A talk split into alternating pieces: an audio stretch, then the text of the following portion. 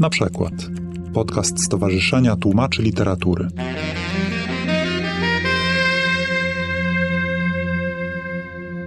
Bardzo serdecznie Państwa witam na naszym pierwszym panelu, który odbywa się pod patronatem Stowarzyszenia Tłumaczy Literatury.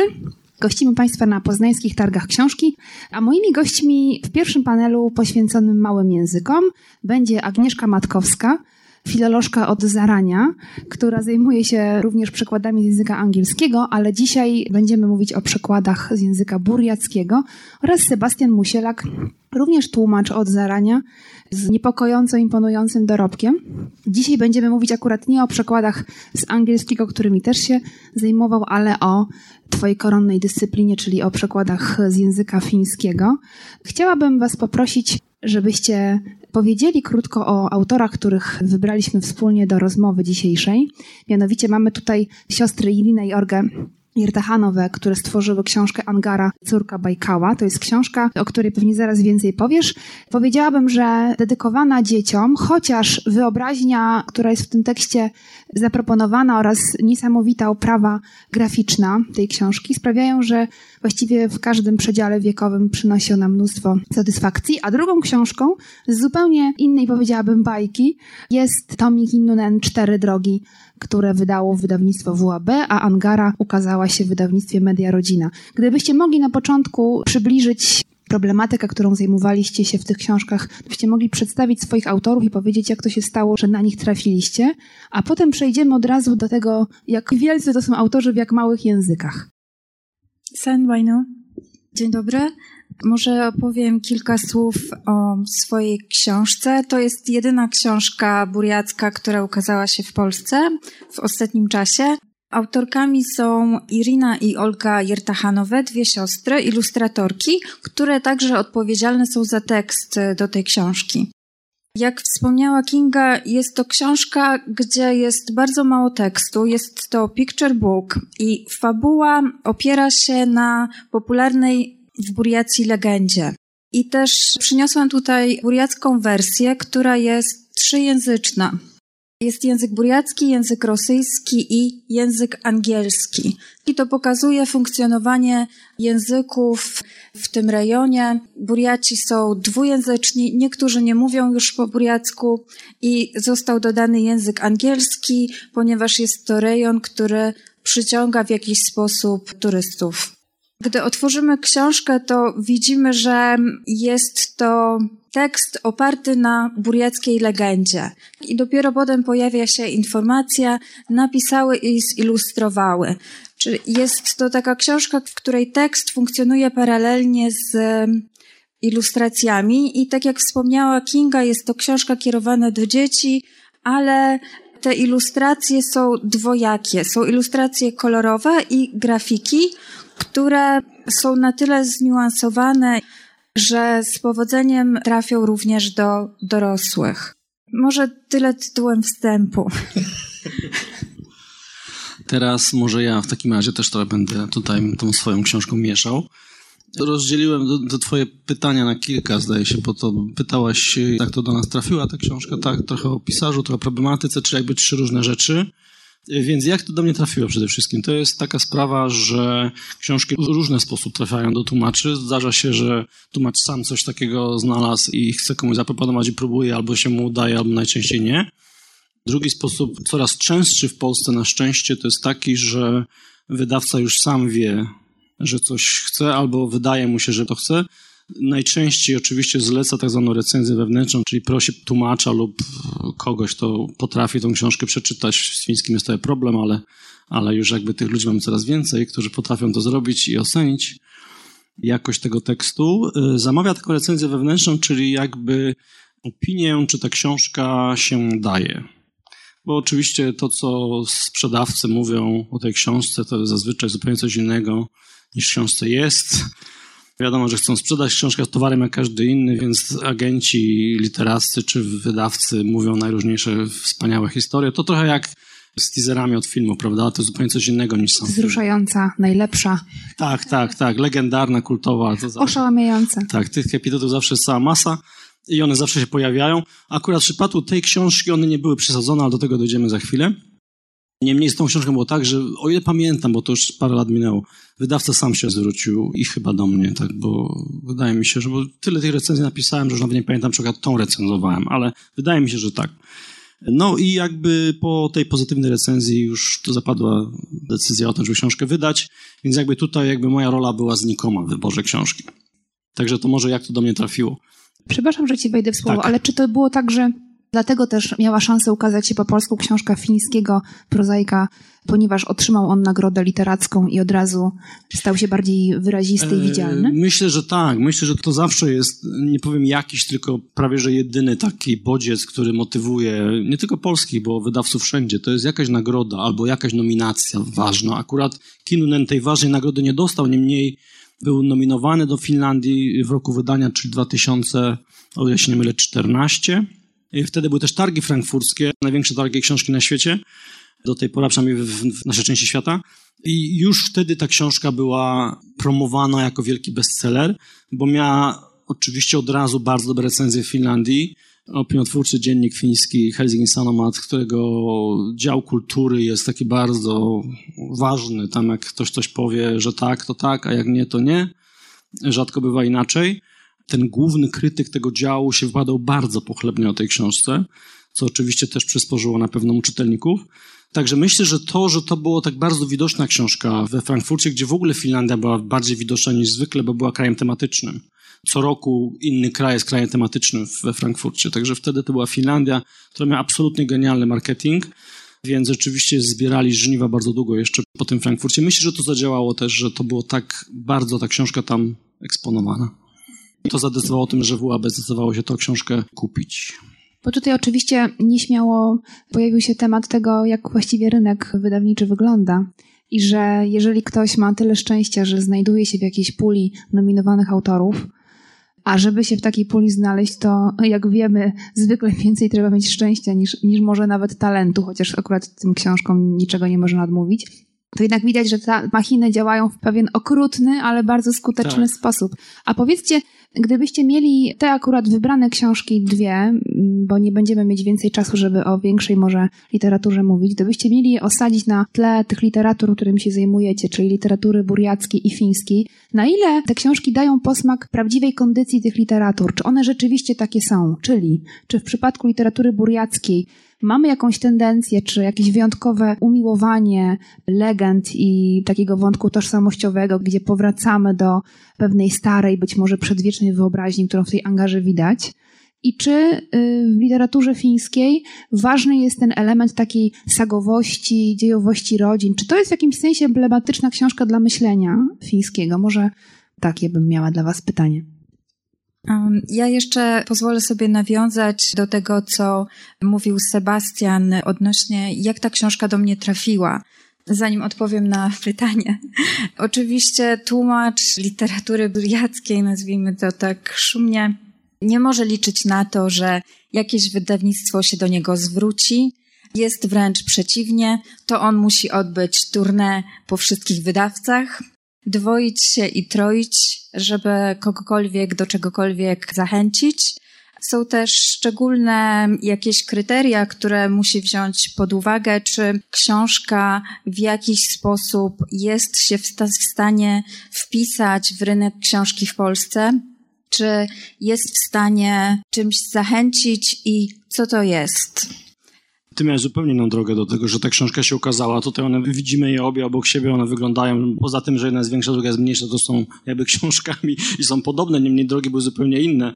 To były zupełnie cztery światy, bo ja mam rzeczywiście o tyle łatwiej, że jak, jak zauważyła Kinga i ty zauważyłaś, że jakby to jest zupełnie in, inny świat, to znaczy nasze, nasze książki, nasz autorów się prezentuje we Frankfurcie, o nich się rozmawia, no w przypadku tej burjackiej jest to zupełnie coś innego, ty musisz książkę znaleźć, ty musisz ją jeżeli tam są w ogóle jacyś wydawcy, musisz się nakłonić do tego, żeby się zgodzili z tą pracować i tak dalej, i tak dalej. Także myślę, że jest bardzo ciekawe, jaką drogę ty właśnie przeszłaś, poza tym takim zwyczajowym dla nas przyjętym i uznawanym za coś oczywistego systemem, że rzeczywiście są wydawnictwa, są targi, tam się coraz więcej jakby poza naszymi plecami, czy nad naszymi głowami, czy gdziekolwiek tam wokół nas dzieje i potem my tylko jakby skakujemy na którymś najczęściej końcowym etapie już, tak? W przypadku jeszcze, Agi to było zupełnie coś innego.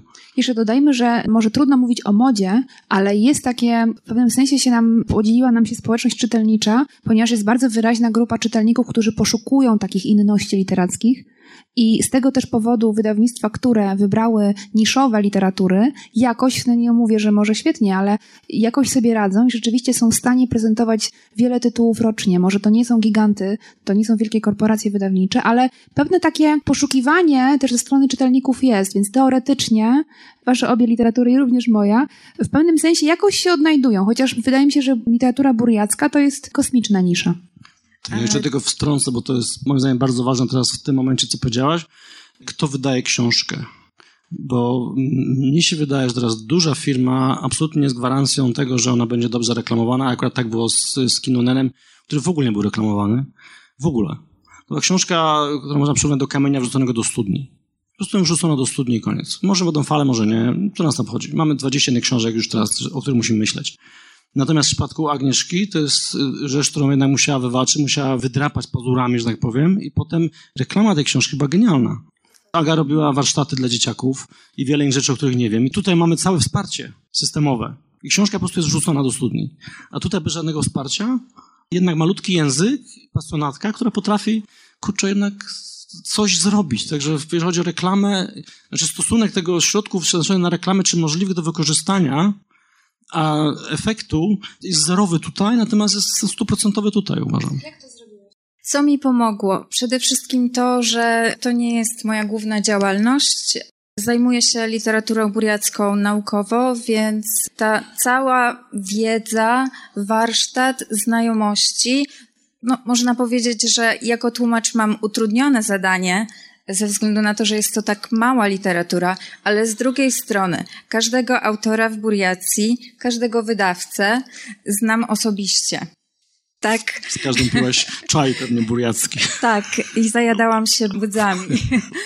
Więc e, z jednej strony jest to utrudnienie, z drugiej strony jest to taki bezpośredni kontakt i w przypadku tej książki ona jest na tyle ciekawa też graficznie, że przyciąga uwagę. W Polsce ukazała się z inną okładką i tej książce towarzyszył też taki bogaty program edukacyjny, który odbywał się w różnych miastach Polski.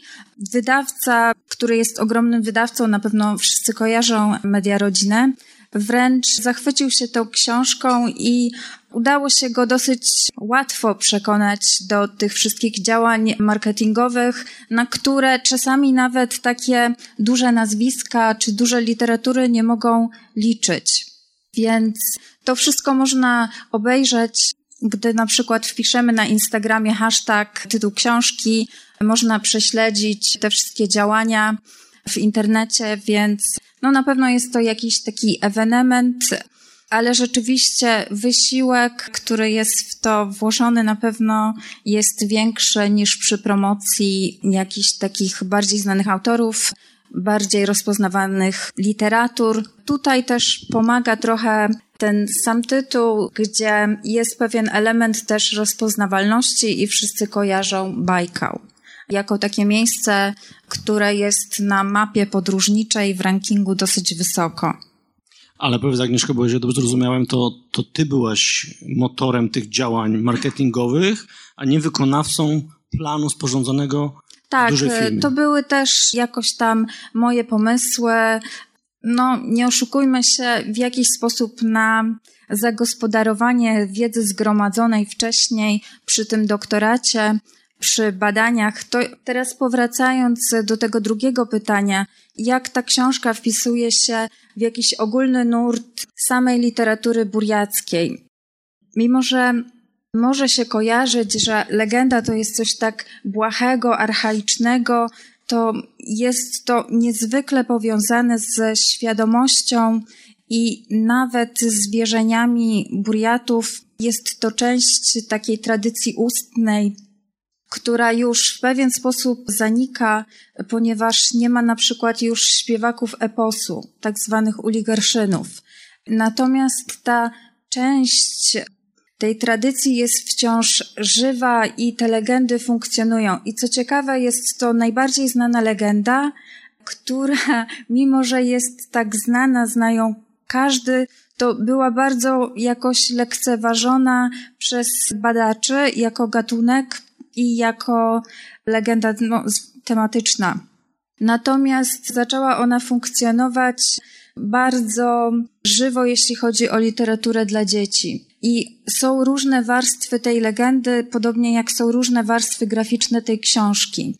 I część to jest oczywiście jakaś taka historia fabularna, natomiast część jest powiązana właśnie z wierzeniowością, z szamanizmem i z animizmem i przywiązaniem buriatów do pewnych miejsc albo rodowych, albo związanych z jakimś miejscem lokalnym. Więc pewna warstwa tej książki w Polsce oczywiście nie mogła zostać dostrzeżona i ja jak przeglądałam te recenzje, które się pojawiały, zwłaszcza na blogach, to moją uwagę zwróciło to, że czasami na bardzo różne elementy czy treści blogerzy czy krytycy zwracali uwagę. I na pewno wybijały się opinie o zachwycającej ilustracji, natomiast ten tekst, jako taki minimalistyczny, zawsze był jakoś tam na drugim planie. Przepraszam, że ci wejdę w słowo, ale czy mogłabyś powiedzieć, czego nie dostrzegamy jako polscy czytelnicy w tej książce? No właśnie jest to całe powiązanie z wierzeniowością i z lokalnymi miejscami, bo nie są to dla buriatów tylko bohaterowie literaccy, ale też określone miejsca, i które są powiązane z określonymi lokalnymi bóstwami. I sam Bajkał jest takim świętym miejscem, o które należy dbać i związany jest też z Bajkałem określone bóstwo.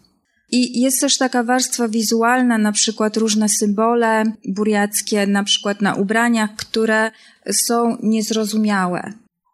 Pytanie, czy można by zrobić posłowie tłumaczki do książki dla dzieci? Drodzy rodzice, w książce nie dostrzegliście niezwykle sakralnego wymiaru tej baśni, legendy i ja ją właśnie pokrótce wymienię. No jest to fascynujące, dlatego że oczywiście tutaj widać, że jest tak niesamowita ta warstwa ilustracyjna, czy też malarska, że trudno nie zachwycić się, ponieważ my oczywiście jesteśmy istotami przede wszystkim wizualnymi, więc na nas to robi ogromne wrażenie. Natomiast pytanie właśnie, wydaje mi się, że trochę ta taka geopoetyka może tej książki jest w pewnym sensie czytelna, dlatego że my widzimy, że można by te wszystkie rzeki przecież sobie rozplanować, znaleźć sobie je w atlasie. Zresztą kiedyś pamiętam, że nawet takie coś proponowałaś na warsztatach dziecięcych. Natomiast bardzo ciekawe jest to, co mówisz, bo wyszłoby na to, że można by właściwie Angarę do takiego działu książek sakralnych włożyć. Wydawcy mają często problem, gdzie właściwie należałoby te książki stawiać. Ale powiedz mi jeszcze, bo jakby tego dotyczyło moje pytanie, czy to jest emblematyczna książka, czy to jest jedna z wielu takich książek, które w Buriacji funkcjonują i są bardzo ważne tożsamościowo, czy to jest perła? Na pewno jest to książka, która ze względu na to, jak pięknie została wydana, wyróżnia się. Wydało ją w Buriacji wydawnictwo Buriat Mongolnom, które no, wydaje najpiękniej jak można. I te książki rzeczywiście wszystkie, zarówno książki dziecięce, jak i książki dla dorosłych, są zachwycające. Można powiedzieć, że jest też sporo książek, które nie są tak edytorsko dobrze wydane, czy nie są tak ładne na pierwszy rzut oka. Natomiast jest to pewna taka tendencja, żeby książka była atrakcyjna, książka, żeby była dwujęzyczna, czyli w jakiś sposób wspierała rewitalizację języka buriackiego. Na pewno nie ma takich książek w Buriacji dużo. Ten rynek jest bardzo mały. Samych Buriatów jest 450 tysięcy ogólnie, nie tylko w Buriacji, więc nakłady są nie jakieś kosmiczne. Bardzo to pięknie powiedziałaś. My tutaj na, na sali jest większość osób zajmujących się jednak kulturą, literaturą, więc od razu przeliczyliśmy sobie, co to znaczy niekosmiczny nakład Ale powiedz, czy rzeczywiście, gdybyś na przykład miała zrobić taką panoramę krótką gatunków i tego, jak się i co pisze w Buriacji, czy legendy jakoś mm, monopolizują rynek, czy nie? E, nie, jest to, tak jak wspomniałam wcześniej, część tradycji ustnej i tych gatunków jest więcej. Natomiast jest to taki gatunek, który można zagospodarować zarówno w literaturze dziecięcej, jak i w literaturze buriackiej. Wiadomo, że Buriaci, znajdując się na takim pograniczu między Rosją a Mongolią, zawsze mają takie dwojakie ciągoty. Z jednej strony czują się Mongołami i ta tożsamość etniczna jest bardzo silna, z drugiej strony są częścią Federacji Rosyjskiej, więc te legendy, które nawiązują do przodków, czasami są to historyczne postaci, w jakiś sposób są ważne. I każdy buriat próbuje siebie jakoś określić, tak? Czy jest Mongołem, czy jest buriatem, czy no jest Rosjaninem. Są buriaci, którzy nie mówią po buriacku, ale ten język nie jest takim sztywnym wyznacznikiem tożsamości etnicznej. Można nie znać buriackiego i być lokalnym patriotą i no niczemu to nie, powiedzmy, szkodzi. Czyli może też jesteś buriatką w sumie. Choć no, znasz język, w sumie masz wszelkie, wszelkie predyspozycje. Przyznam Tłumaczysz się, literaturę. Przyznam się, że już tak zmęczona jestem tymi pytaniami, dlaczego zajmuję się tą literaturą, więc zawsze mam taką odpowiedź w zanadrzu. Tak, mam mongolskie korzenie. Oczywiście na pierwszy rzut oka wprawia to w konsternację. Tak, nie widać tego po mnie, natomiast może być to... Masz korzenie głęboko schowane. Tak, mam je schowane głęboko, więc to już ucina po prostu dalsze dyskusje na ten temat. Szefowa na mnie patrzy, to moja kolej pewnie. No więc ja może przejdę do drugiej części tego pierwszego pytania, czyli Tommy Kinnunen, człowiek urodzony w 73 roku, także jeszcze całkiem młody. 41 lat, debiut literacki, cztery drogi. Zaczął swoją karierę, że tak powiem, parę lat wcześniej na kursach kreatywnego pisania, ale myślę, że coś już sobie miał, bo uczył, nadal zresztą uczy języka fińskiego w liceum i szkole podstawowej, także zdecydowanie wie wszystko na ten temat. Natomiast pokłosie tych warsztatów literackich, w których brał udział, zaowocowało tym, że miał pewien materiał i ten materiał jego przyjaciel wysłał do wydawnictwa WSOI, do tego samego, które książkę wydało w końcu. No i jak to mi opowiada, kiedyś był chyba gdzieś na nartach w Austrii czy gdzieś i dostał telefon właśnie z wydawnictwa, że wydałem pana książkę, ale jaką książkę? Przecież żadnej książki do was nie przysyłałem. Także y, tak to się właśnie zdarzyło. Od razu dostrzeżono ten potencjał, mimo że tak naprawdę te pierwsze opowiadania, które zostały wysłane do wydawnictwa, to jest może jakieś jedna trzecia objętości książki w tej chwili. Także jak tylko Tommy się dowiedział, że to jest dla kogoś interesujące, to stwierdził, ok, ale musimy zrobić to troszeczkę inaczej. I stąd jakby ta bardzo ciekawa struktura, o której może jeszcze powiemy, która może, i tu już przechodzę powoli do trzeciej części, która być może nie jest jakaś specjalnie nowatorska, bo takie rzeczy się robi, się tą chronologię szatkuje, się dzieli, to się miesza, tasuje. Ja też słyszałam, że tak się robi w powieści. No właśnie. Natomiast nie widziałem tego zrobionego w ten sposób jeszcze, to znaczy, bo co to jest ciekawe? Ciekawe jest to, że każdy tytuł rozdziału w zasadzie to jest ulica w pewnym fińskim mieście, który ani razu nie zostaje wymieniony z nazwy w tej książce w oryginale. Niemniej nie jest to zresztą ważne. Można się domyśleć, co to za miasto. Tak się składa, że to miasto rodzinne pisarza, pochodzi z Kusamo.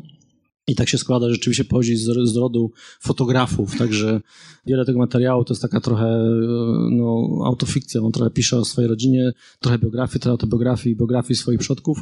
Zresztą sam pomysł na tego opowiadania, które później zostało przekształcone w tą powieść, wziął się stąd, że jak to w rodzinie fotografów, zresztą nie tylko fotografów, bo myślę, że wiele jest takich rodzin. Ja do takich się zaliczam, że jestem w tej części mojej rodziny, która uwielbia stare fotografie i większość spotkań rodzinnych poświęcałem na wertowanie starych rzeczy, wypytywanie jak to, a co i jak ciągle te same rzeczy, ale zawsze nowe odpowiedzi, także to oczywiście też buduje jakąś wyobraźnię. Także to była taka rodzina, która właśnie nie potrafiła się obejść bez fotografii, którymi oczywiście siłą rzeczy mnóstwo, bez opowieści snutych na bazie tych fotografii. To tak wygląda, jakby rzeczywiście brano jakąś fotografię i z tej fotografii snuto historię. Tylko ta historia jest tutaj podzielona na cztery części. Także są cztery osoby, takie bardzo silne, trzy silne kobiety, bardzo, i to jest jak w jakim sensie sagowe jest tutaj. I czy to jest takie typowe, w tej chwili na pewno ani ta sagowość, ani ten język w sumie jednak taki już bardzo stary, niestosowany, ten taki realistyczny, bardzo e, z narratorem, który wszystko wie i, i opowiada, co kto widział i co kto myślał. To oczywiście nie jest, kinematografskie filmowe są znacznie bardziej eksperymentatorami teraz w tej w kwestii języka i struktury powieści. Natomiast książka sama w sobie, tematyka i sposób opisania jednak tego wszystkiego mają w sobie coś wyjątkowego. Tu na pewno od razu nie tylko właśnie krytyk literacki w Helsingin Sano ma tym opiniotwórczym w fińskim dzienniku, ale też i czytelnicy też zachwycili i krytycy również e, inni w innych, w innych miejscach Finlandii, poza granicami potem. Oczywiście tych książek było więcej, wszędzie jakby zbierała książka bardzo pozytywne recenzje. To świadczy, że ta książka coś sobie jednak ma. Nie wiem, czy ona ma coś w przekładzie polskim, bo w Polsce jakby zerowy jest odzew. nie wiem, czy to wina przekładu, czy, czy reklamy może. Wolę myśleć, że reklamy. No to na razie tyle. Kinunie pewnie wszystko. Napisał potem jeszcze jakby kontynuację w pewnym sensie. Znaczy książkę, która też została wydana w podobny sposób, to znaczy wydana i zapomniana która nazywa się Inni niż my. To jest jakby kontynuacja przygód głównego bohatera, ale też są nawiązania do wcześniejszych wydarzeń, nawet bardzo bliskich tych. Także znowu mamy takie, tak jak tutaj, zresztą te cztery historie czasem się zachodzą w ten sam dzień, się dzieją, tylko że widzimy ten sam dzień z innej perspektywy. Tam jest trochę podobnie, że wracamy do tych samych dni, tych samych wydarzeń, ale z punktu widzenia postaci tutaj w zasadzie takiej drugoplanowej, czy trzecioplanowej nawet. Tam ona jest jedną z dwojga głównych bohaterów, bo jednym jest Tłomas, który tutaj jest takim trzylatkiem bodajże. I jeszcze wydał trzecią powieść, która jest zupełnie związana z tym, ale słyszę, że już pisze następną, czwartą, która jakby znowu nawiązuje do tego, więc jakby taka trochę, ta saga trochę narasta.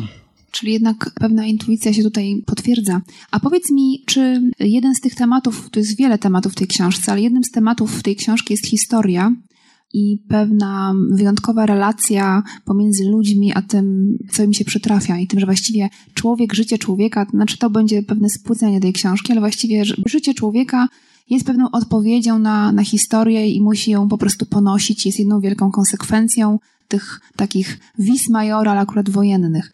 Czy w ogóle zainteresowanie historią Tutaj akurat mamy wyraźnie drugą wojnę. Czy to jest jakiś temat, który jest, pojawia się w literaturze fińskiej w ogóle? Czy w pewnym sensie Kinnunen odpowiada na jakieś pytania historyczne, które się w ogóle w debacie fińskiej pojawiają? Czy to jest akurat przypadek?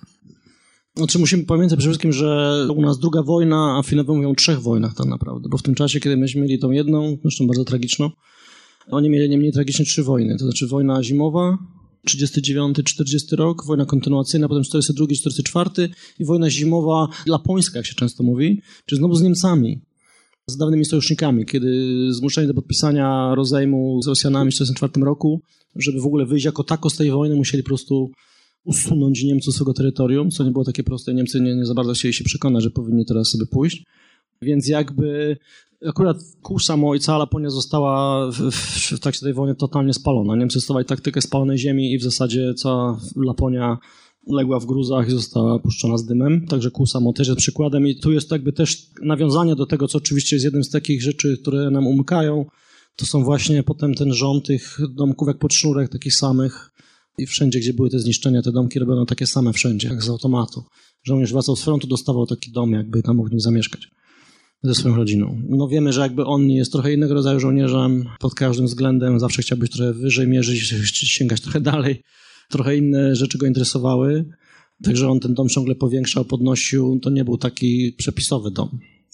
No więc tak, z tą wojną jest tak, że myślę, że tutaj ona się pojawia raczej nie po to, żeby coś wnieść do dyskusji o wojnie, czy o wojnach fińskich, tylko raczej, żeby coś wnieść o do dyskusji coś nowego, czego rzeczywiście nie było do tej pory, o tragicznych losach homoseksualistów fińskich, których, nie wiem czy Państwo wiecie, do 70 bodajże któregoś roku w ogóle homoseksualizm był traktowany jako choroba w Finlandii, penalizowany.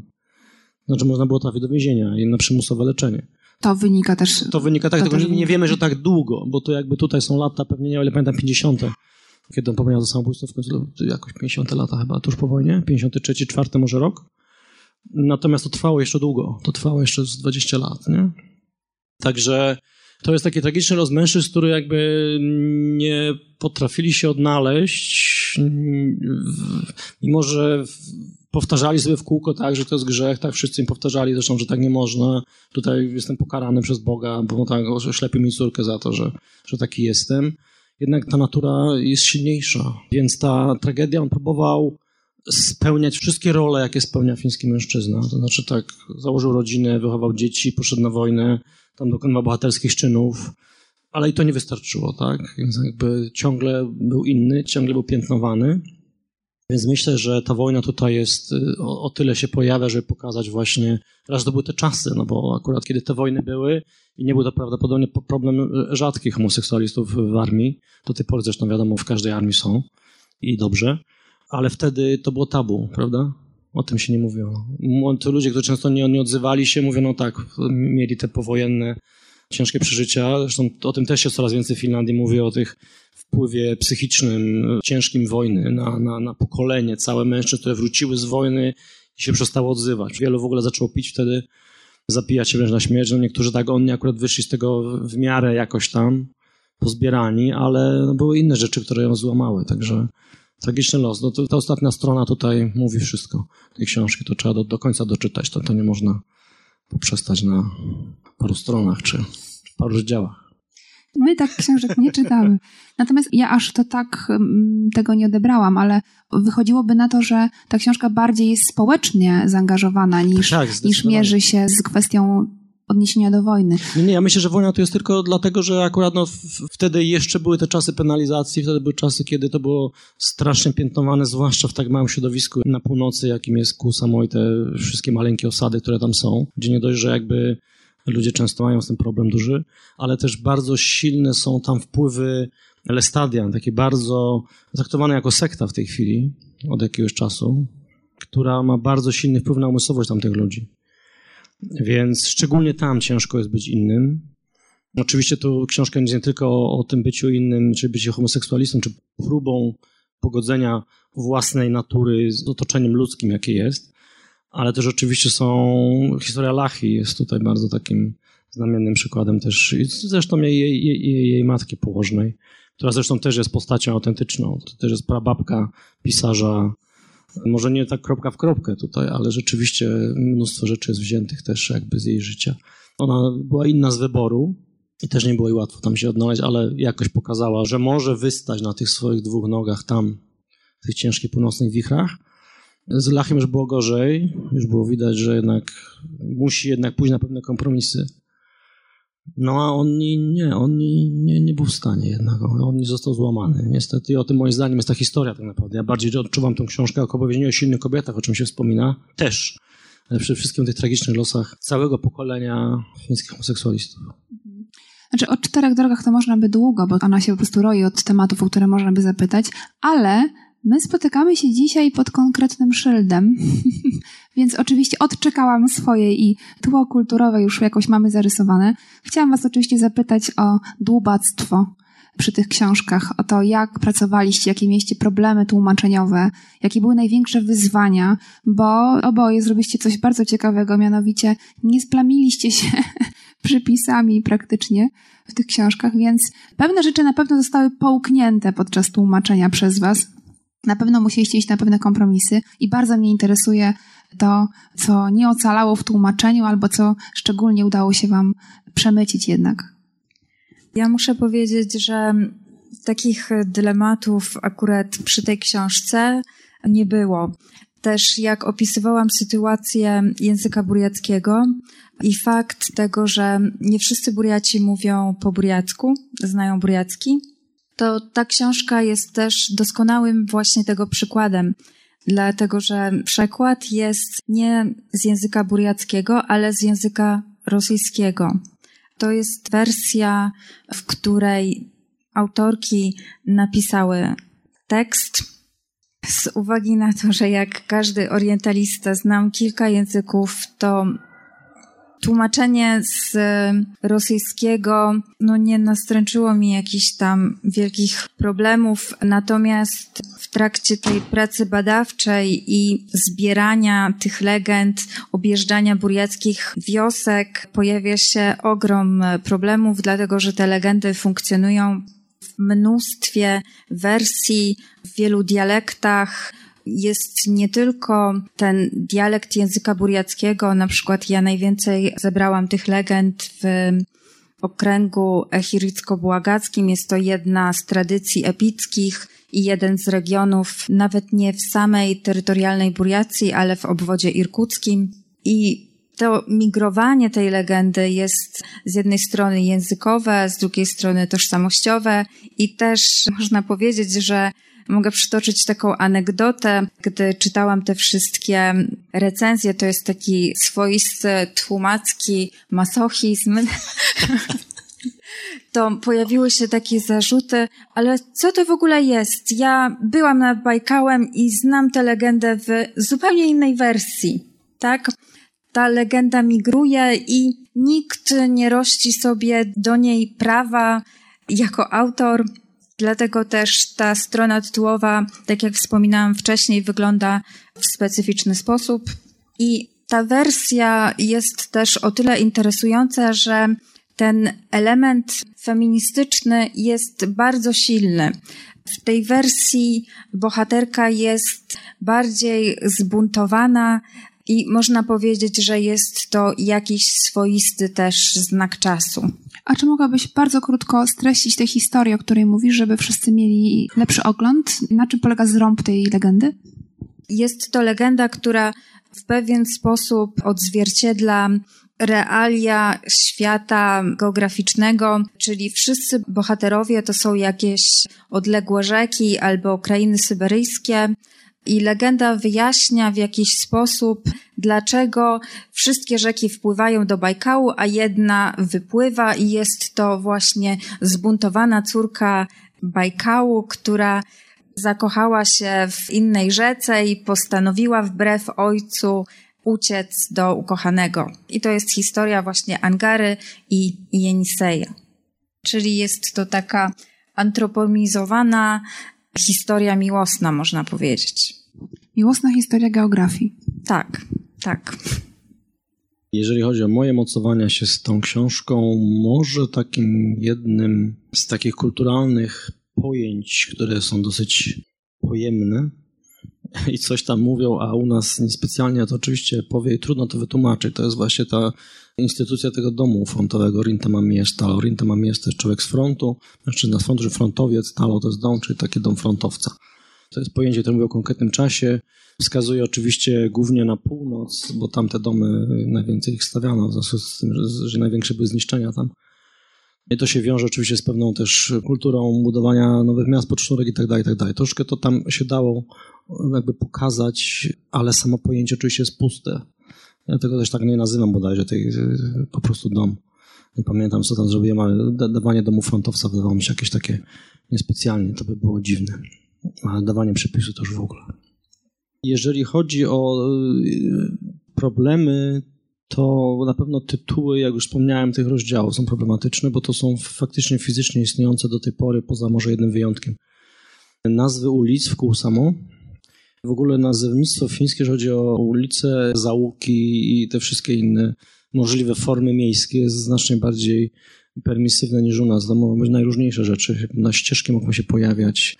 Także bogactwo tych nazw, słów złożonych jest ogromne. Także to fantastycznie tutaj w oryginale funkcjonuje jako tytuł. Natomiast co było z tym zrobić? No oczywiście trudno było podkładać, może ktoś powiedział, że dałoby się jakieś nie wiem, nazwy ulic gdzieś z jakiegoś naszego polskiego miasta, ale to znowu by nam za bardzo geograficznie tą książkę umieściło i byłoby zgrzytem. Więc wyzwaniem było przetłumaczenie tego bogactwa tych nazw ulic, zaułków i różnych innych ścieżek i skrótów miejskich, tak żeby oddać jednak to, że to jest jakaś tam mapa.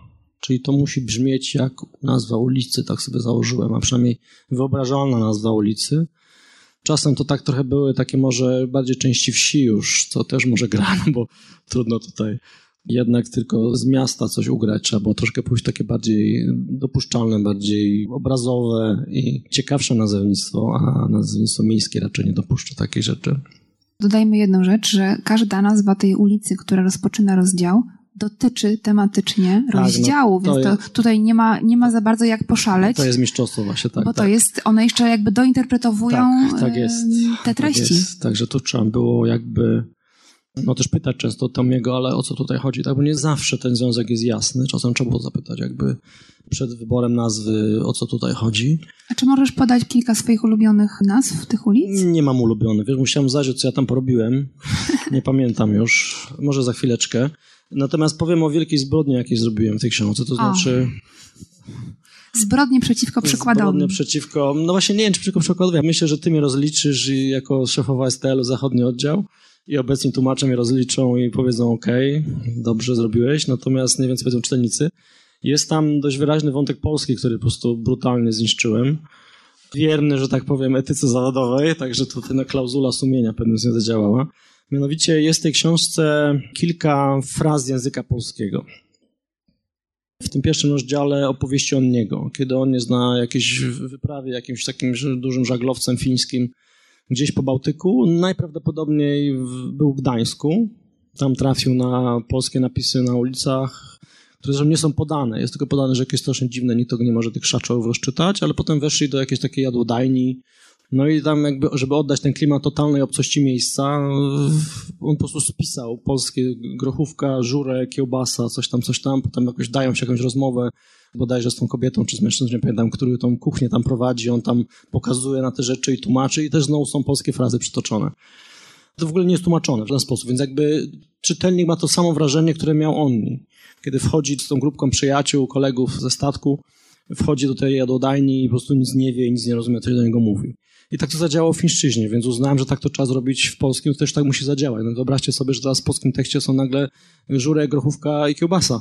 Nie wyobrażam no, nie, sobie. Niespecjalnie to brzmi obco, a napisać, że oni nie zrozumieli tego, no to tak, czy jakoś tak do, dopowiadać, to nie za bardzo brzmiało, więc to od razu wtedy to uderzyło mnie jako taką trudność pewną, no ale po niezbyt długim namyśle stwierdziłem, to trzeba po zmienić i tylko ustaliśmy z Tomim, gdzie to będzie, bo to była kwestia geografii mnie bardziej pociągało gdzieś tam, no bo to musi być coś takiego, co oczywiście nie może być to niemiecki, bo niemiecki jest w miarę zrozumiałe, wszyscy będą wiedzieli, że to, jest, że to są Niemcy. Nie może to być oczywiście Rosja też, bo to też za bardzo nie. Zresztą pewnie też geograficznie, to, czy, czy historycznie by nie pasowało, bo nie sądzę, by tam wtedy, wtedy wpuścili jakimś żaglowcom do jakiegoś rosyjskiego portu. Litewski wchodził w grę, bardzo fajny, ale ja raczej celowałem się w Brazylię, bo tak mi się tak strasznie ten brazylijski, tam portugalski podoba ale to będzie nie tak to za daleko, nie? To zróbmy coś z Europy, nie? To, to, to, to holenderskie to jest takie naj, najbardziej dla nas od czapy, nie? To po prostu nikt tego nie, nie wie, o co chodzi. No i tak się zgodzę. Dobrze, może... że nie ma z nami Jerzego Kocha. No tak, Jurek mi wybaczył, ale rzeczywiście, no przyznajmy, nie wiem, do ręka do góry, kto rozczyta holenderski, albo jest ktoś, no, no, czyli jakby wybór był dobry. Zdaje, jakby jest obcość zachowana. Nikt specjalnie tam, nie, nawet pewnie nie wiem, czy ktoś wie, że jest holenderski. Ja specjalnie Ryśka Turczyna pytałem, słuchaj, tak, potrzebuję takie typowe, takie typówki z jadłodajni, takie portowe street foody, takie, wiesz, z 40 roku, nie? z 30 holenderskie. A i potem jeszcze jest jedno imię, przepraszam, na końcu jeszcze rozdziału z nim po końcu się przedstawiają, ci mężczyźni, z tym pianistą w końcu poszedł i tam później rano się sobie przedstawiali. I nie pamiętam, Czesław chyba był, że ten polski, ten pianista Czesław był. No, też był napisany przez CZ, w ogóle doskonale, żadnego błędu nie było. No mi też Czesław by nie pasował za bardzo, bo więc, więc jakiś tam jest, nie pamiętam kto tam jest, jakiś Jopy czy inny Hopak jakiś tam. Także takiej zbrodni dokonałem. No państwo cenicie. Co o tym myślicie? Ja uważam, że przejdzie. No. Absolutnie. Poczucie obcości było mrożące. A powiedz mi, czy w oryginale języki kobiet na przykład różniły się od siebie? Czy Kinnunen mm, zróżnicował język Marii, czy Kariny na przykład? Czy w ogóle jakby nie, nie pracował tak w języku, bo nie miało tam aż takiego... Się, one się trochę różnią na pewno. Nie potrafię ocenić jak bardzo, bo to, to musiałem się urodzić w Finlandii, ale mam wrażenie, że nie są jedno kopyto, że słownictwo jest trochę inne. Też chciałem jakoś zróżnicować po polsku, nie wiem, czy mi się udało ale to nie jest tak jakoś, żeby Maria jakoś mówiła jakąś straszną gwarą, przecież ona była uczona w Helsinkach, była się uczyć, także ona mimo, że była z północy, to jednak myślę, że przesiąkła trochę innym sposobem mówienia. Zresztą pisała do gazet, wiemy, że, że była feministką taką walczącą, doradzała kobietom jak domowymi sposobami niechcianej ciąży i pozbyć i tak dalej, więc jakby była taką wywrotową już mocno pod, pod koniec życia feministką. Na tamte czasy oczywiście ale nie, nie, jakoś strasznie nie. Myślę, że troszeczkę tam jest taka lekka patynka w tej języku, ale jakichś takich wielkich różnic tam nie dostrzegam. Bo ty też tę patynkę konsekwentnie no, troszkę tam, przy Marii troszkę tam jest, jest ona tak. znacznie większa niż przy późniejszych narracjach. Tak, trochę tam jest. No, no tutaj było trochę też jakby zgłębiania No wyzwaniem oczywiście, że mówimy o wyzwaniach, to oczywiście ten język jakby fotografii, to jest, to jest jakby, no niby o tych rzeczach wiemy i każdy trochę się na fotografii zna pewnie, każdy wie co jest odbitka i co to jest klisza i tak dalej. No może, już powoli koniec może młodzi już, Może młodzi już nie, ale my jeszcze pamiętamy czasy, kiedy się filmy nawet dwunastoklatkowe takie się do aparatów się wbijało i to była strasznie ciekawa procedura. Natomiast tam oczywiście kino poszedł daleko głębiej, jako że no, jest z rodziny fotografów i sam te rzeczy na pewno robił. A przynajmniej przypuszczam, że mógł jakieś praktyki letnie tam odbębniać u ojca. Także musiałem troszkę sięgnąć do słownictwa z lat właśnie 20., 30. Kwestia jak nadać rower w ogóle, też jakieś było pytanie, no co z rowerem, tak? No, pojechała po rower 900, nie wiem, drugi, trzeci, czwarty rok. No rower to raczej późniejszy wynalazek językowy nasz. Przytuliśmy słowo po prostu, które było marką jednego z, znaczy jeden z producentów tak nazywał swoje bicykle, rower i nasz rower do nas wjechał i został. Natomiast oczywiście niekoniecznie tak nazywano wtedy to i, i też musiałem sięgnąć jakby, no bicykl wiadomo, ale trochę trąci myszką, nie pamiętam, ten bicykl tam jest, zaraz chyba coś innego. Velociped. Sięgałem jakby do, do takich starych katalogów, które zresztą cyfrowo można dzisiaj przeglądać, nie ruszałem się z domu, że też ukłony dla naszych tutaj naukowców. A słownictwo architektoniczne i budowlane? Też trzeba pogrzebać, tam trochę też tego jest, tak. Kinon w ogóle jest też, tak powiem, sprawny bardzo ręcznie, on dużo rzeczy robi sam i myślę, że te wszystkie rzeczy, które on opisuje, znaczy budowa domu, to on to wszystko robił, także tutaj trzeba było rzeczywiście po te części cząstki sięgnąć też i je fachowo nazwać. A powiedzcie mi, jako tłumacze małych języków, bo pod takim też szyldem dzisiaj rozmawiamy, ponieważ oboje też tłumaczycie z innych języków, żeby ściślej powiedzieć z angielskiego. Czym się różni w praktyce wasza praca, kiedy zajmujecie się małym językiem? Czy odczuwacie jakąś inną jakość tego podchodzenia, inne motywacje? Czy wiąże się to z jakąś filozofią też wewnętrzną, praktyczną? Na pewno tych różnic jest bardzo dużo. Jeśli chodzi o same techniki pracy, to z pewnością źródeł jest e, mniej i wtedy jest taka opcja najlepsza telefon do przyjaciela, telefon do eksperta. I ze względu na to, że to są tak małe literatury, ten kontakt jest bardziej personalny. Jeśli chodzi o samo podejście do tłumaczenia, to można powiedzieć, że no ono jest zupełnie odmienne. Można powiedzieć, to co tłumaczę z angielskiego, tego jest bardzo dużo, natomiast na 15 publikacji z angielskiego czy z rosyjskiego przypada jedna książka burjacka. I zanim coś się ukaże, to oczywiście też mija bardzo dużo czasu, więc ten rodzaj namysłu jest też zupełnie inny. Jak tą książkę wypromować, co z nią zrobić, czy ona rzeczywiście tutaj chwyci, czy nie. Ja zawsze staram się wybrać jakieś książki, teksty, które wpiszą się jednak w polską kulturę albo opowiedzą o czymś więcej, czyli poza tą narracją jest też jakaś albo metanarracja lub jakaś większa opowieść.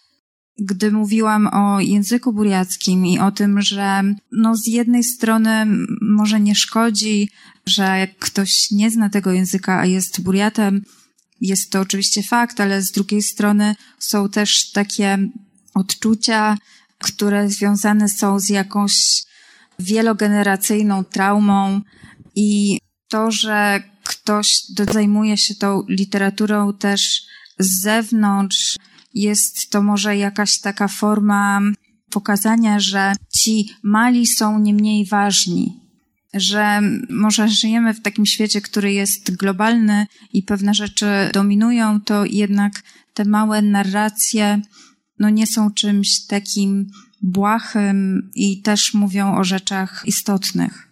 Ale czy ty jako tłumaczka masz poczucie misji? Czujesz coś takiego, że ponieważ, no, jeśli uczciwie na to spojrzymy, to właściwie trudno znaleźć, można byłoby znaleźć czytelnika, który sam mógłby sięgnąć sobie po burjacką książkę, więc właściwie my czekamy, czy jakby mamy takie wyobrażenie, że ty za nas znajdziesz coś odpowiednio fantastycznego, żeby nam pokazać. Czy czujesz na sobie jakąś presję, że na przykład już wiesz, że skoro już zaczęłaś zajmować się tą literaturą, to koniecznie musisz doprowadzić do końca na przykład przełożenie tych i tych książek, ponieważ jeśli nie ty, to będzie w tej dziedzinie pustka. Raczej no, nie odczuwam takiej presji, natomiast są jakieś takie rzeczy, które bym chciała zrobić i oczywiście mam taki dylemat, jak to zrobić, czy porwać się na desperacki krok i otworzyć własne wydawnictwo, bo nikt tego nie chce, tak? Czy po prostu dać sobie trochę spokój i poczekać, aż jakoś uda mi się to bardziej przypadkiem lub w ramach niekoniecznie takiej pracy stricte tłumaczeniowej, ale bardziej pracy naukowej lub jakiejś tam popularyzatorskiej typu część bloga. Więc to są takie dylematy, no nierozwiązywalne trochę. To jeszcze raz pytanie? Wiedziałam, że zapytasz jeszcze raz. Pytałam o, o małe języki się, i o to, to się robi? czym się to różni? Czy czujesz jakąś... Wiesz to na każdym poziomie myślę, bo już sam emocjonalny stosunek do fińskiego mam zupełnie inny niż do angielskiego, z którego też tłumaczę. Angielski bardzo lubię, naprawdę bardzo, ale no fiński wręcz kocham, także to jakby już jest zupełnie inne podejście. Oczywiście nie, nie każdą książkę, żebym pewnie zmęczył z fińskiego. Są, już mi się kryminały znudziły i przejadły, na przykład pewnie bym już nie chciał. Gdybym miał do wyboru kryminału z angielskiego, kryminału z fińskiego, zdecydowanie wybrałbym kryminał z fińskiego co jest troszeczkę związane też z pewną misyjnością, to znaczy pewnie, jako że tej angielszczyzny mamy pełno, no to ja wolę, żeby jednak było ta, nie wiem, druga czy trzecia książka w, w, tym roku z fińskiego, bo książek z fińskiego, nie wiem czy wiecie, jest bardzo niewiele się okazuje. Po polsku tak średnio 10 książek rocznie, to jest tak strasznie mało. Żeby to, tak powiem, postawić w perspektywie, takie modne wrażenie, to ze szwedzkiego tłumaczy około 100 tytułów rocznie jakaś misyjność jest, chociaż z drugiej strony jest to zupełnie inny rodzaj misyjność niż w przypadku Agnieszki i Buriacji, no bo jeżeli Buriatów mamy tych 500 tysięcy, o, o, których Aga mówiła, no to Finów jednak jest ciągle 5,5 miliona. No oczywiście trzeba pamiętać, że Finowie to nie tylko Finowie fińskojęzyczni, tutaj teraz zaczniemy wchodzić w szczegóły, tylko także Finowie szwedzkojęzyczni, którzy są troszeczkę mniej liczni niż Buriaci, za to znacznie lepiej wyposażeni kulturowo. Zaplecze mają takie szwedzkie, Naprawdę, także oni rzeczywiście nie muszą się oni zmartwić. Ich kultura przetrwa wszystko. Chociaż rzeczywiście to jest bardzo niewielki, może nie językowy obszar, bo jednak oni są językowo zbieżni ze Szwecją i czasem Szwedzi niektórych Fino-Szwedów czy Szwedofinów, jak ich nazywamy, lubią sobie zawłaszczyć. Takiego Diktoniusa albo Eddie Sodergren, to niechętnie w swoich historiach literatury lubią tak, a to taka nasza szwedzka, tutaj pisarka czy nasz szwedzki poeta. Okazuje się, że nie. Pewnie wiecie, że Tuve Jansson to też jest Finka szwedzkojęzyczna, także to jest też część literatury fińskiej. Ja akurat, tak powiem, robię w tej fińskojęzycznej, w tej najmniej zagrożonej może, chociaż też pamiętać, że, że Finland to także język samski i samowie i oni są rzeczywiście w trochę innej sytuacji, bo jest ich naprawdę niewielu kilkadziesiąt tysięcy, zależy od tego, jak ich liczyć. No, wydają, coś tam wydają, ale na polskich nie tłumaczymy jeszcze, także tutaj jakby czuję, że mamy dużą, jeżeli gdzieś mielibyśmy jakąś misję mieć z tego rejonu, to raczej misję ratowania, czy zachowywania, czy popularyzacji kultury samskiej na język polski.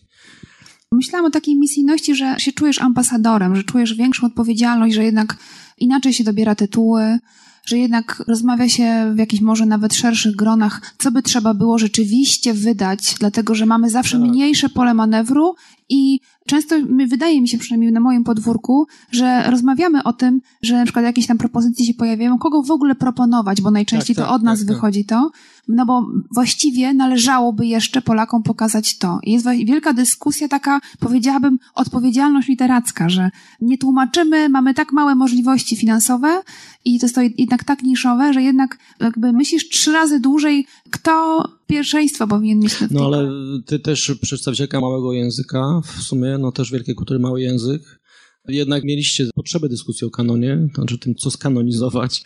Boście przecież mieli ten taki wspaniały rok wydawniczy, gdzie dostaliśmy mnóstwo pieniędzy na, na ile tam żeście wydali te publikacje. Mnóstwo. Mnóstwo, no to było Około ponad 50 książek. No, to tu, tu jest rzeczywiście rozmowa o kanonie słuszna. Ja, ja jedynie o kanonie mogę rozmawiać z wydawnictwem poznańskim, które skrzesiło swoją serię dziejopisarzy skandynawskich do których Finów ktoś zaliczył kiedyś i oni tam są i dobrze, zawsze w tej serii pierwotnej tych Finów było sporo.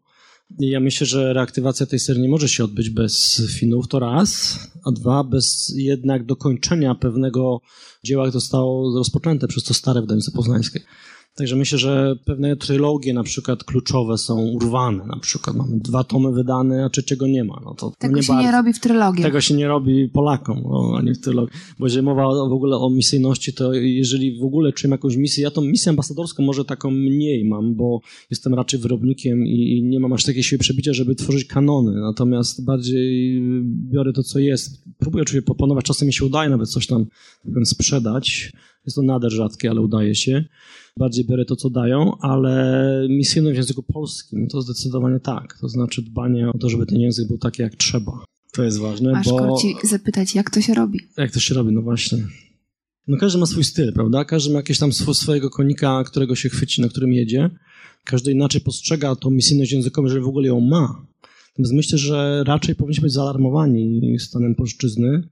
My tłumacze szczególnie, no bo jeżeli książek w Polsce się wydaje powiedzmy 100 rocznie, to jest oczywiście nieprawda, ale niech to będzie liczba 100, no to przykładów jest 50 parę w tej liczbie. Także my tłumacze mamy ogromny wpływ na to, jak ten język polski wygląda od jakiegoś czasu już i jak on będzie dalej wyglądał. Oczywiście można by się zastanawiać, czy mamy szansę z internetem i z innymi wpływami, bo być może nie, ale ja ciągle twierdzę, że tak, że jakość tej polszczyzny w przekładach jednak powinna być właśnie taka jak trzeba, żeby ten język polski nam za bardzo nie uciekł gdzieś tam no, to zawsze dyskusja języku, no, to, to jest pytanie właśnie. No, ja już jestem tak w, tym wieku, że bardziej mam konserwatywne myśli, konserwatorskie wręcz takie, kustoszowskie, tak, jeżeli chodzi język polski. Niektórzy raczej pewnie stwierdzą, że ale nie ma problemu oczywiście. Niech się język rozwija, niech się zmienia, niech będzie tych zapożyczeń milion i, i niech szyk sobie się rozjeżdża i tak dalej. I nie ma to znaczenia. No właśnie szyk to jeden z takich moich ulubionych koniczków, na którym jeżdżę i tutaj dbam o to, żeby ten szyb jak, jak trzeba, bo moim zdaniem on ciągle jest ważny. Wydaje mi się, że wielokrotnie już nie, ale dla mnie on jeszcze jest ważny i, i w moich książkach on będzie ważny. No tłumacz równa się autor, więc to, co mówisz, ma wiele sensu.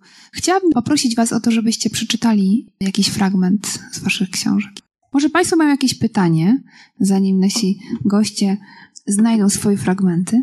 Bardzo proszę. Znaczy, mam pytanie do pani Agnieszki Matkowskiej właśnie odnośnie tej literatury kultury burjackiej, bo z tego, co zrozumiałem tutaj na podstawie pani wypowiedzi, właściwie literatura burjacka to są tylko legendy, baśnie, czyli no, ta literatura e, taka ludowa po prostu, więc to jest raczej kwestie etnologii, etnografii. Czy istnieje wysoka literatura burjacka, opowiadająca, no, tak, tak jak na przykład w języku polskim czy rosyjskim na przykład?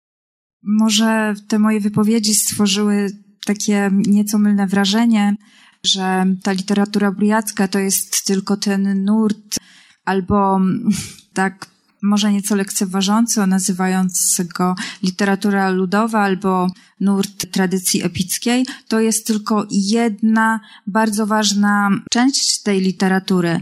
I legendy są tylko jednym z gatunków. Najważniejszym gatunkiem jest epos. I tutaj wchodzą do tego gatunku takie można powiedzieć, arcydzieła światowe, jak epos Gesser, epos Alain Mergen, które oczywiście nie były tłumaczone na język polski i myślę, że sama no, raczej się na to nie porwę, dlatego że jest to no, niesamowite wyzwanie przekładowe. Jest to utwór, który jest z adliteracją, rymowany. Trzeba być chyba niezwykle utalentowanym poetą, żeby się na to porwać. Natomiast jest też nurt literatury innej. Tak, tak. Ja na przykład mniej się tym zajmuję, ale są poeci i prozaicy, którzy piszą tylko i wyłącznie po burjacku, tylko po rosyjsku lub w obu językach. Na przykład Bajr Dugarow pisze i po burjacku, i po rosyjsku. Ta literatura do nas oczywiście nie dociera. Ja też sama nie zajmuję się za bardzo literaturą współczesną. No można powiedzieć, że Polska w ogóle nie umie w literaturę mongolską, której częścią jest literatura burjacka. Jest tylko kilkanaście przekładów, w tym przekłady klasyczne stworzone przez mongolistów akademików. Bardzo mało jest tego, chociaż ostatnio po pobycie w Burjacji w latem zeszłego roku zaczęłam to bardziej obserwować i widzę, że takie przekłady współczesne i z języka mongolskiego i z buriackiego ukazują się na przykład we Francji lub w języku angielskim.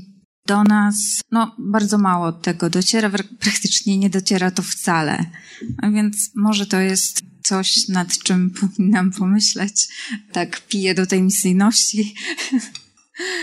Więc to nie jest tak, że ten nurt tradycji epickiej jest jedynym, ale on jest bardzo ważny po prostu dlatego, że ta tożsamość i tradycja i literatura są w dużej mierze literaturą, która w przypadku takiego ludu nomadycznego kształtowała się właśnie w taki sposób inny niż dominuje w Europie, czyli była to literatura przekazywana ustnie i tak samo bardzo wiele sztuki czy przedmiotów użytkowych było łatwiejszych w transporcie. Czyli no, takie zupełnie inne uwarunkowania historyczne, kulturowe.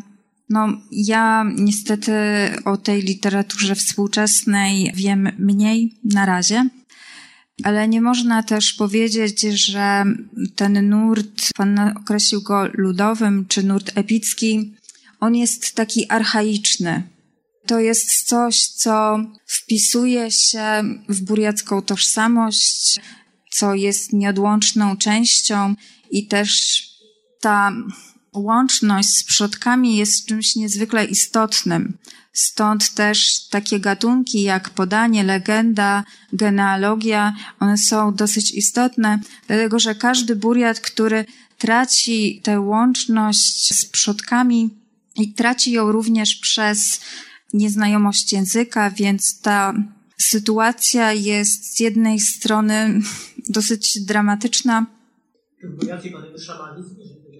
Można powiedzieć, że dominujący jest jednak buddyzm, natomiast szamanizm został w pewien sposób zainkorporowany przez buddyzm i pewne elementy szamanizmu czy pewnych praktyk, obrzędów przetrwały w buddyzmie. Szamanizm jest bardziej chyba powszechny w Buriacji Zachodniej. Jeśli chodzi o te praktyki religijne, można powiedzieć, że one w jakiś sposób dopiero się odradzają. Tak jak odradza się też ten język po upadku Związku Radzieckiego. Te represje, które miały różny stopień nasilenia w XX wieku, wpłynęły jakoś tragicznie na sytuację Buriatów. I to, co powiedziałam o tej łączności z przodkami, to jest łączność, którą propaguje się na wielu takich przestrzeniach, czyli jest ta przestrzeń literatury, przestrzeń sakralna, jest też przestrzeń języka i przestrzeń pisma.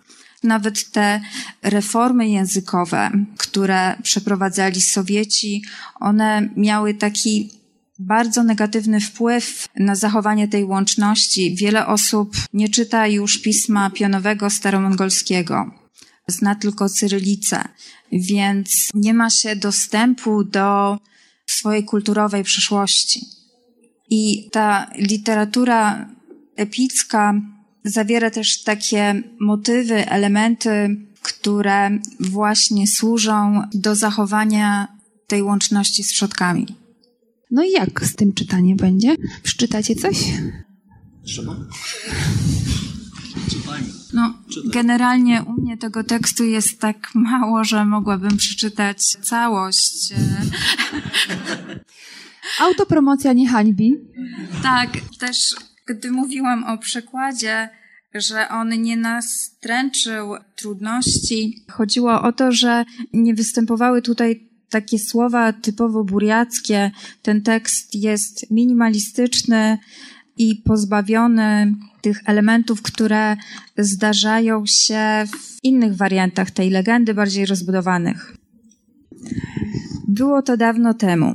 Jeszcze wtedy, gdy dziewczęce warkocze były tak długie, że pleciono je po trzy doby, a cały świat podzielony był między wielkich władców. Ogromnymi krainami rządził wspaniały wojownik Bajkał. Na południe rozciągały się ziemie wielkiego Sajana. Z zachodu ziemię jego syna Jeniseja. Na wschodzie panował Amur, a na północy tajemnicza Lena. Wszędzie był spokój i pokój.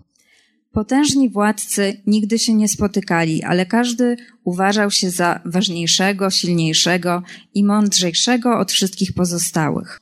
Wielki Bajkał miał córkę, piękność o imieniu Angara. Angara straciła w dzieciństwie matkę i wychowywała ją stara niania pochodząca ze stron, gdzie rządził Jenisej. Wszystkie jej pieśni i opowieści opiewały siłę i urodę Jeniseja oraz jego bohaterskie czyny. Od dzieciństwa córka Bajkała marzyła o poznaniu słynnego wojownika. Marzenie to zasiało w jej młodym sercu pierwsze ziarno miłości. Z wiekiem Angara piękniała coraz bardziej i bardziej.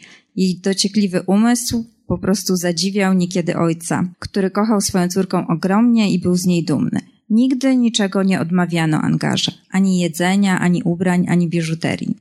Jednak najbardziej lubiła ona uciekać z nianią w góry i słuchać niekończących się opowieści o Jeniseju.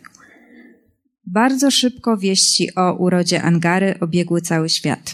Wielu chciało się wrzenić do rodu wielkiego wojownika Bajkała, ale obawiało się jego groźnego usposobienia. Pierwszy o rękę Angary poprosił starzec Ural. Karawana ze swatami i darami przybyła wczesnym rankiem i była tak długa, że ostatni wóz dotarł dopiero wieczorem. Jakichż to darów nie przysłał pretendent do ręki Angary? Drogocenne kamienie i rudy żelaza i czarny kawior i tkaniny zamorskie.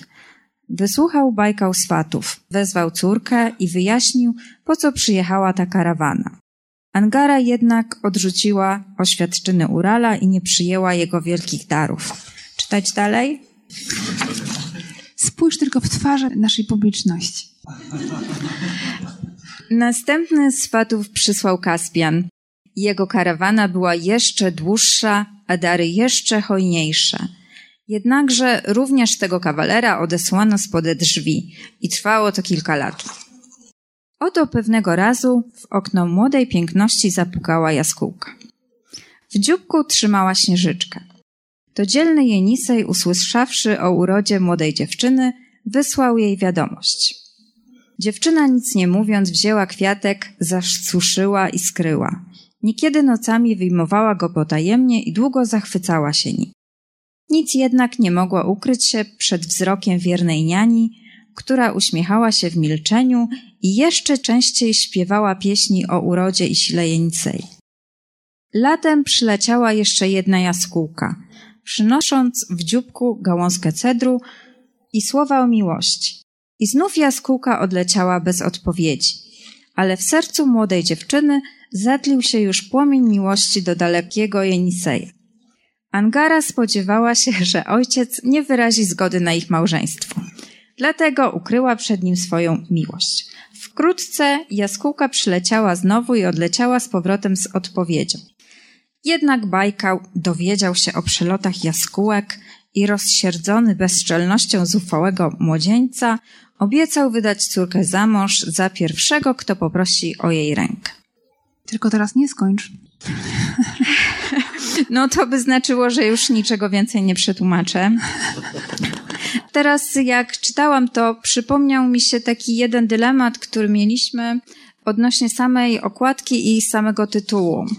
Bajkał kojarzy się z, tylko i wyłącznie z jeziorem i wedle prawił polskiego języka powinno być Bajkał. Natomiast tutaj jest to imię osoby, można powiedzieć, więc jest inna końcówka fleksyjna. No, było to oczywiste, że powinno być zgodnie wzorcem Bajkał Bajkała, a nie Bajkał Bajkału, ale no, wygląda to trochę dziwnie dla polskiego oka. No, ale tak jest. No i teraz, Sebastianie, przebij to, proszę. Sytuacja była dziwna. Celia ma towarzysz z frontu przyszedł pod wieczór z wezwaniem na komisariat. Zazwyczaj lubił pożartować, lecz tym razem patrzył tylko dziwnie i poganiał, jakby mu się spieszyło. On pomyślał, że pewnie będą znowu szukać broni, ale na szczęście poza tym jednym pistoletem, który sobie zostawił, wszystkie prezentowe płachty już dawno wygrzebali z wiórów pod podłogą strychu i wywieźli, a miejsce ich ukrycia znają jeszcze tylko trzej oficerowie sztabu. Po drodze on się zastanawiał, czy nie powiedzieć koledze o Mauzerze w wychodku, ale na miejscu Syliama posadził go po prostu na krześle, po czym wziął przybory do pisania i sam usiadł pod ścianą. Do pokoju wszedł nieznany mężczyzna, wysoki i tęgi jak zapaśnik. Na czubku głowy świeciło mu już gniazdko, ręce porastały włosy ziemistej barwy. Miał na sobie brązową marynarkę, twarz była starannie wygolona. Nadkomisarz Kandolin Zoulu. On mi wstał i wyciągnął rękę. On mi leły towara. Nadkomisarz nie podał mu ręki. Podszedł do wieszaka, zdjął ulster i go powiesił. Nie usiadł jednak za biurkiem, lecz zaczął krążyć wkoło niego, przyglądając mu się badawczo. Pochylił się, ocenił profil. Przykucnął nawet, jak gdyby chciał poczuć jakiś szczególny zapach. Potem wstał i potwierdziwszy ustyliamy personalia on niego, wyciągnął z tekturowej teczki dokumenty, rozłożył je przed sobą na blacie. Odwiesił marynarkę na oparcie krzesła, wybrał jeden z leżących papierów, znów stanął za onnym i położył przed nim powoli fotografię. Poprawił ją jeszcze, aby brzeg był równoległy do krawędzi stołu. Mężczyzna na zdjęciu miał przyjazne spojrzenie i zmarszki w kącikach oczu, lecz usta przedstawiały teraz surową linię. Włosy miał zaczesane starannie do tyłu, na skoniach widniały nieznaczne zakola. Silnie oświetlona twarz zdawała się płaska, zgoła dwuwymiarowa, ale celem fotografa nie był artystyczny portret. Na ścianie za głową mężczyzny widniał czarno-biały liniał z centymetrową podziałką. On nie bez patrzenia wiedział, że pokazuje 186. Patrywał się w tę twarz kamiennym wzrokiem. I wtedy po raz pierwszy padły te słowa. Czy byliście wołu na ulicy Ogrodowej w dzielnicy Raksila w mieszkaniu czynszowym z mężczyzną widocznym na tym zdjęciu, kiedy funkcjonariusze Wydziału Obyczajowego rozpoczęli rewizję? On nie sprężył się w sobie, dłonie cisnęły podłokietniki. Przez plecy przeszedł mu zimny dreszcz. Poczuł suchość w ustach. Powtarzam, czy byliście wołu na ulicy Ogrodowej w dzielnicy Raksila w mieszkaniu czynszowym z mężczyzną widocznym na tym zdjęciu, kiedy funkcjonariusze Wydziału Obyczajowego rozpoczęli rewizję, a potem uciekliście przez otwarte okno? Przesłuchiwany nie mógł wydusić siebie głosu. Piekły go wargi, w uszach dudniło mu serce. Siliama pochylił się do przodu, nie chciał ronić żadnego słowa. On znów poczuł się pobijając od kaflowego pieca na ogrodowej i słodycz pączu na języku. Usłyszał skrzypienie drewnianych stopni, melancholijne tango z radia. Zobaczył drobne zmarszczki przy oczach tamtego jego delikatny meszek na dłoniach. Lekko rozchylone usta, chłód na maglowanej pościeli. Skok pierwszego piętra w głęboki śnieg, ślizganie się butów na oblodzonej drodze, krzyki biegnące za nim policjantów, palący wstyd podczas podróży do domu. Sylia ma ściągnął mundur. Nadkomisarz miał czas. Zadawał spokojne to samo pytanie raz za razem. Czy byliście wołu na ulicy Ogrodowej w mieszkaniu czynszowym z tym mężczyzną, kiedy funkcjonariusze Wydziału Byczajowego rozpoczęli rewizję, a potem uciekliście? W lewym kąciku ust Kandolina pojawiła się stróżka piany. Mężczyzna na fotografii jakby na coś czekał. Dziękuję bardzo Wam za udział w naszej rozmowie. Dziękuję bardzo Państwu za przybycie. I zapraszamy za pół godziny. Rozpoczynamy panel tłumaczenie wielkich klasyków, między innymi Krzysztof Majer i Ewa Rajewska. Bardzo Państwa serdecznie zapraszam i dziękuję. Dziękujemy.